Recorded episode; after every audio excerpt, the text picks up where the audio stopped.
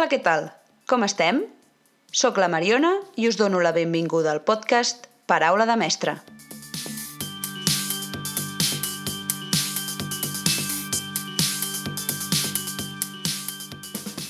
Avui seguirem parlant de la situació de confinament en la que ens trobem. Tot just fa un mes i una mica més que estem tancats a casa. Com ho porteu? Horaris desquadrats, visites a la nevera constants, Netflix... I de ben segur que heu fet pa, a que sí? ¿O sou dels que esteu fent tot el contrari? Yo no estoy entrenando demasiado. No sé, la gente está- se ha vuelto loca, o sea, está haciendo pan eh, por encima de sus posibilidades. Por eso no hay harina en los supermercados. Yo no estoy entrenando demasiado.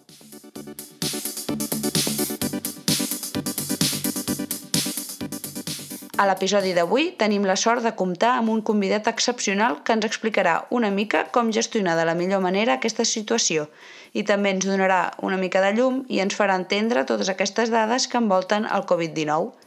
Ja no m'enrotllo més, us deixo amb l'entrevista.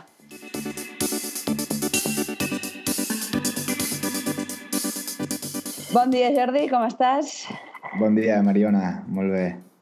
Bueno, doncs en aquest episodi del podcast Paraula de Mestre avui tenim el, el Jordi Pedrós eh, que ens, bueno, ens donarà una mica de petites claus, una mica d'idea de què podem fer aquests dies a casa per no tornar-nos bojos i, i bueno, a veure què ens explica.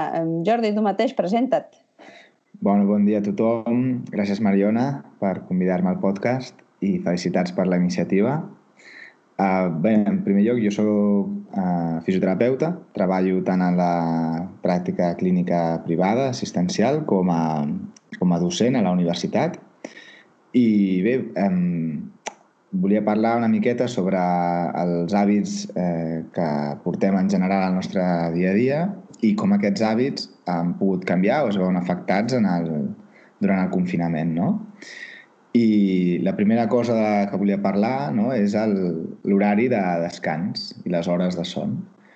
És molt probable que molts um, estiguin anant a dormir més tard o, o fins i tot dormin més hores de les habituals no? i això eh, fins a cert punt doncs no, no hauria de ser cap problema, però sí que és veritat que no hauríem de superar tampoc les 9 hores de, de son, no? I el fet de mantenir una, un horari, d'anar a dormir més o menys sempre a la mateixa franja horària i aixecar-nos més o menys sempre a la mateixa, a la mateixa franja horària, doncs ens pot ajudar molt a, a organitzar-nos el dia, no? Tu parlaves, Mariona, en el- primer episodi, el que vas fer la- l'anterior, aquest, que, que et posaves un horari, no? I això eh, també t'ajudava una miqueta a organitzar-te el dia.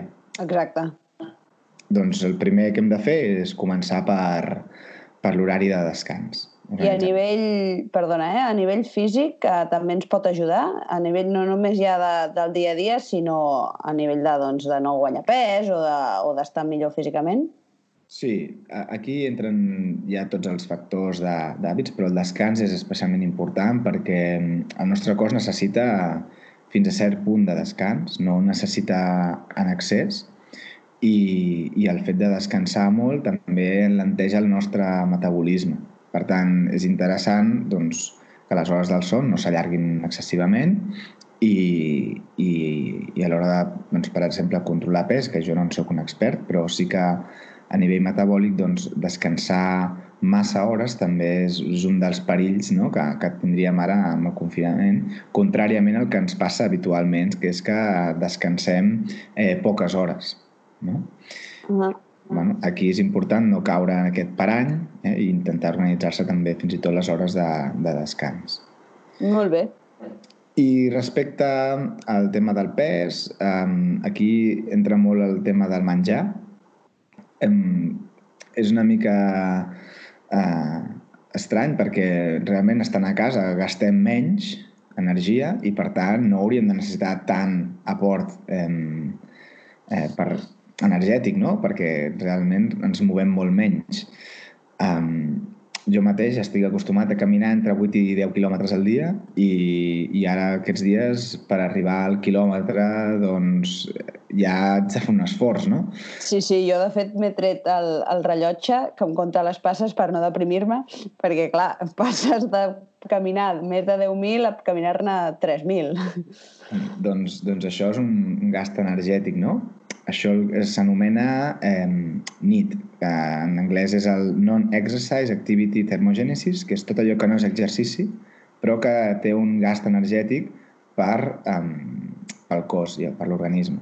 Llavors, en aquest sentit, com que tenim un NEAT molt més baix, eh, l'aport energètic eh, també hauria de ser una mica més controlat. Hauríem de tenir en compte doncs, que ara tenim molt de temps, eh, podem sortir de casa més per anar a comprar, i per tant això també és un altre parany perquè és fàcil anar al supermercat més vegades de les que necessitem, comprar més el que necessitem per aquest estat eh, una mica de, de, de por que, sobretot al principi, que es va arrasar tant amb les estanteries.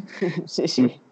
I intentar triar doncs, aliments més saludables, amb menys eh, aport calòric i, i intentar també doncs, això, no?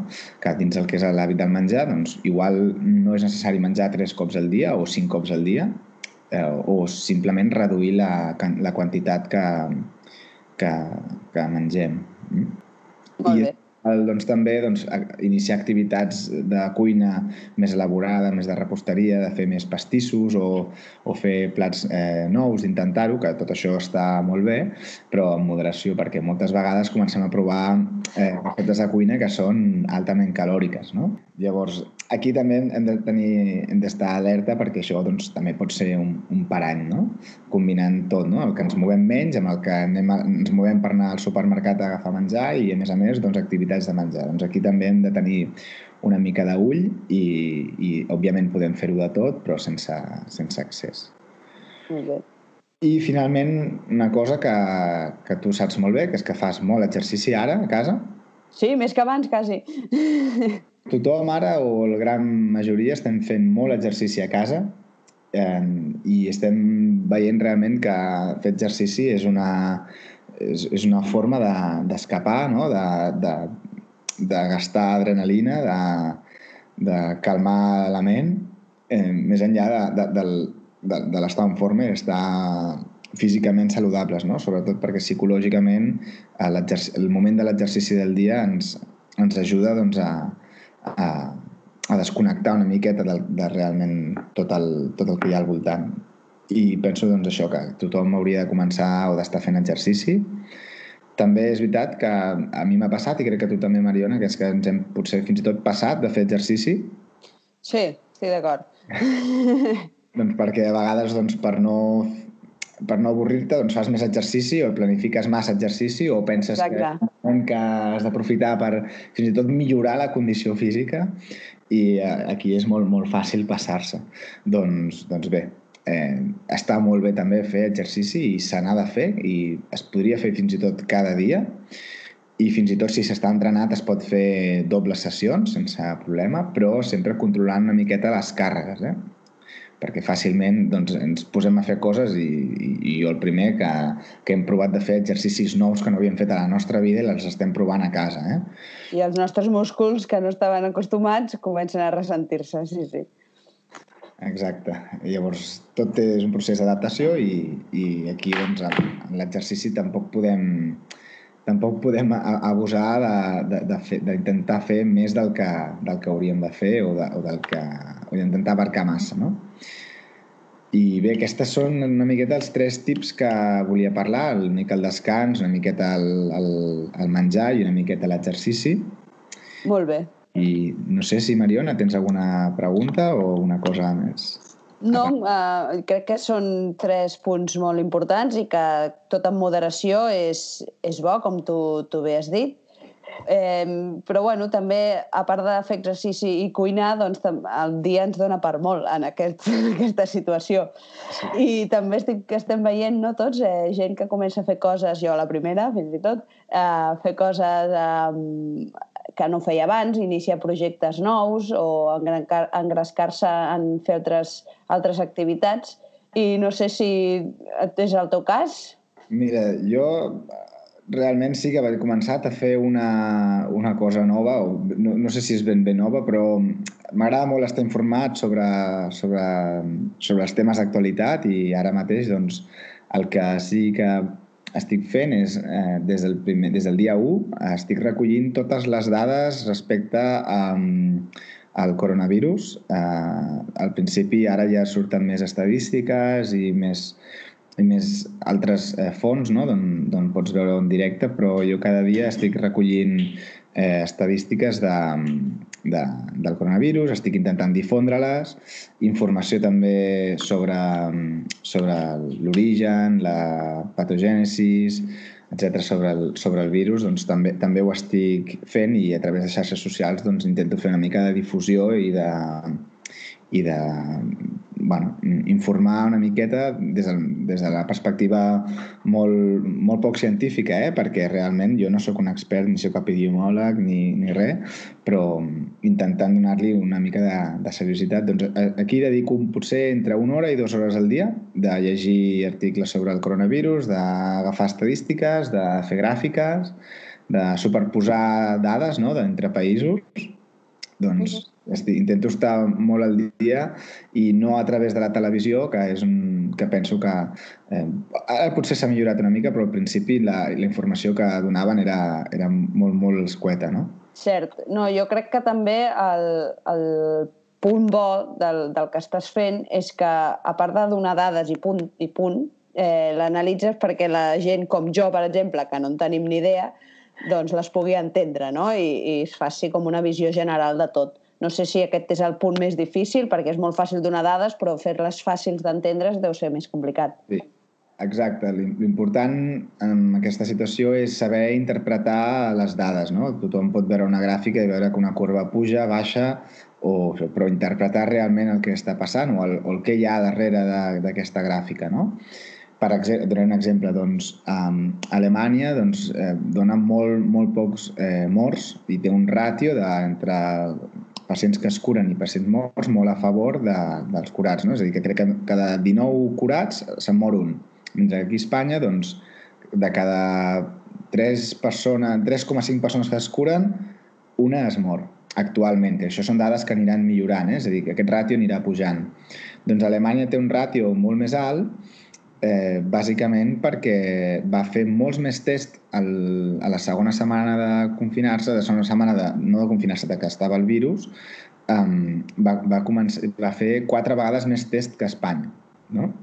i va posar a quarantena amb moltes més persones i per tant eh, sabem que entre el 0 i el tercer dia de malaltia és el moment més important així que ells van aconseguir doncs, parar moltes, molts més contagis i que les patologies avancessin cap a fases més greus, molt més que no pas eh, altres països, eh? poso Espanya, però el mateix que Itàlia i, i França. No?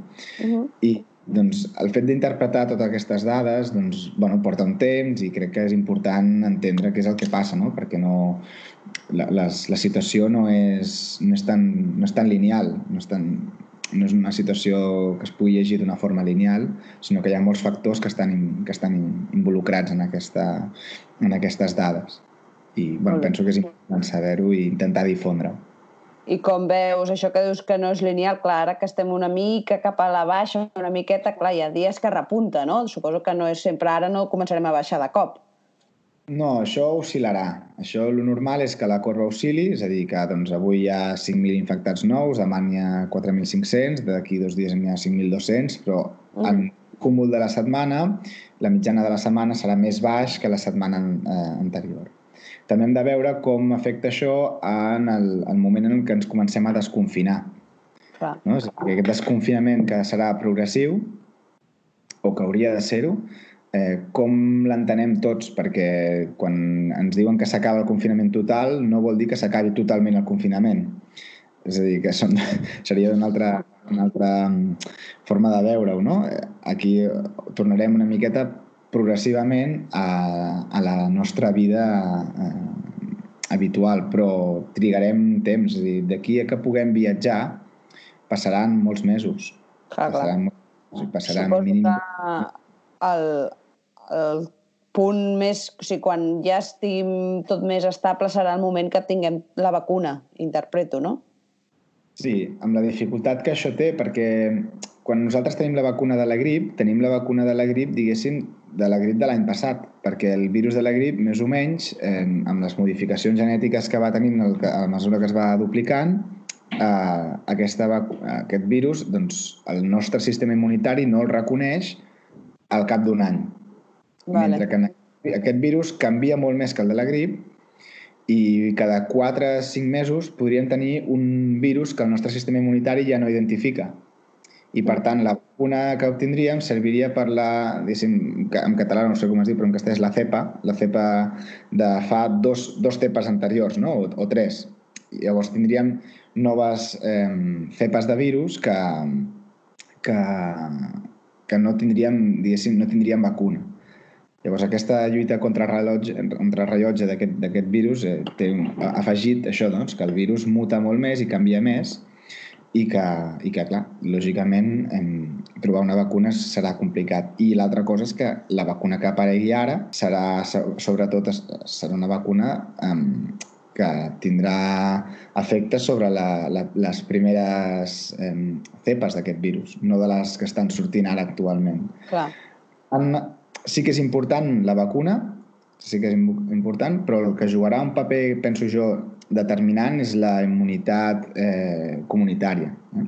Que, la, que sobretot la gent vagi passant la malaltia mm -hmm. i, i que es vagi immunitzant a un termini que no coneixem encara perquè no sabem aquesta immunitat que adquirim un cop passem el virus no sabem quant de temps dura, no, no sabem quanta memòria tenim sobre aquest virus i això serà un factor que a mesura que el anem coneixent doncs serà, serà important i, i, i és determinant en, en la, en el, sobretot en, en els brots futurs que hi haurà d'aquesta malaltia.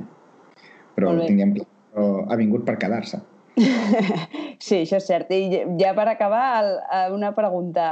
El nostre estat físic, per tant, i té importància a l'hora de quan agafem, si en el cas de que agaféssim el virus, eh, importa el nostre estat físic per combatre'l? Sí, moltíssim. Mireu, la, el nostre mm, sistema immunitari és una cadena de cèl·lules que identifiquen que hi ha un problema, sense saber el problema, de forma inespecífica, i aquestes cèl·lules són les NK cells. Les diuen natural killers, que quan la segona cèl·lula mort mm, identifica la gent que l'ha matat i el, i el marca, d'alguna forma el marca i genera uns missatges perquè aquestes cèl·lules vinguin. A partir d'aquí es desenvolupa tota la resposta immunitària que diguéssim que no és específica. Després, aquests, aquests, aquests trossets del virus es van portant a, a, a unes altres cèl·lules que s'especialitzen amb el virus, no? Però les inicials, les natural killers, aquestes, després de fer exercici d'intensitat eh, eh, vigorosa, pugen és a dir, augmenten el seu número. I això és molt important perquè vol dir que tindrem més cèl·lules que donen la primera resposta davant d'un agent infecciós. Així que... I aquests efectes es mantenen 48 hores després de l'exercici. És a dir, aquests nivells de cèl·lules més elevat no duren per un dia que fem exercici, sinó duren les 48 hores posteriors. Uh -huh, molt interessant. Cada, cada dos dies fer una activitat física una mica vigorosa sempre adequat al nivell de cadascú, és interessant perquè és, és, una, és una eina que és senzilla, que la tenim a les mans i que ens pot augmentar i pot ajudar a la resposta immunitària del, del nostre organisme. Així que jo recomano molt fer eh, activitat una mica vigorosa cada, cada 48 hores. Genial, doncs ens queda clar que ni que sigui una miqueta ens hem de moure i fer alguna coseta ja que estem aquí. Molt bé, doncs no sé si tens alguna cosa que vulguis dir, que vulguis eh, apuntar per acabar. Mm, mira, només agrair-te, Mariona, que, que hem passat una estona, almenys he passat una estona molt agradable, espero que els oients doncs, també passin una bona estona i que en, si hi ha algú que tingui coses a explicar o que, o que vulgui participar en el podcast, de veritat que és una experiència molt recomanable i la Mariona ho posa tot molt fàcil, així que gràcies a tu, Mariona, i, i espero que, que aquesta, aquest projecte doncs, et, et, doni, et doni molts, molts anys de vida. Moltes gràcies. Eh, tu també segueix amb el teu anàlisi, que la veritat és que jo sóc bastant fan i me'l llegeixo cada dia també per, un, perquè m'agrada mantenir-me informada i dos, perquè sé que és, són fonts fiables. Eh, moltes gràcies per, per també estar aquí, Jordi, perquè realment és, és molt, molt xulo i molt interessant que ens hagis pogut donar aquests tips. I, i a seguir, a veure fins quan, esperem que no gaire. A veure, a veure, esperem que almenys eh, puguem tornar i el més important que tornem amb, amb seguretat a les nostres vides, no? Que, que no, no, no, no fem un pas en fals. Exacte. Bueno, haurem de parlar amb el nostre president. Moltes gràcies, Jordi. Molt bé, Mariona. Cuida't molt. Gràcies. Adéu, una abraçada. I fins aquí l'episodi d'avui. Espero que us hagi agradat l'entrevista amb el Jordi crec que ens ha ajudat molt i ens ha donat consells de com gestionar aquesta situació de confinament. I si sou dels que us heu quedat amb les ganes i voleu seguir el Jordi per veure com analitza totes aquestes dades que ha comentat del Covid-19, aquí a les notes del podcast us deixo l'enllaç del seu Instagram. Val molt la pena. Seguiu-lo. I res més, espero que us hagi agradat. Com sempre, em podeu trobar i escoltar Spotify, iVox, SoundCloud i Apple Podcast. Gràcies per tot i al proper episodi seguim. Molts ànims amb el confinament, quedeu-vos a casa i moveu-vos una miqueta. Abraçada!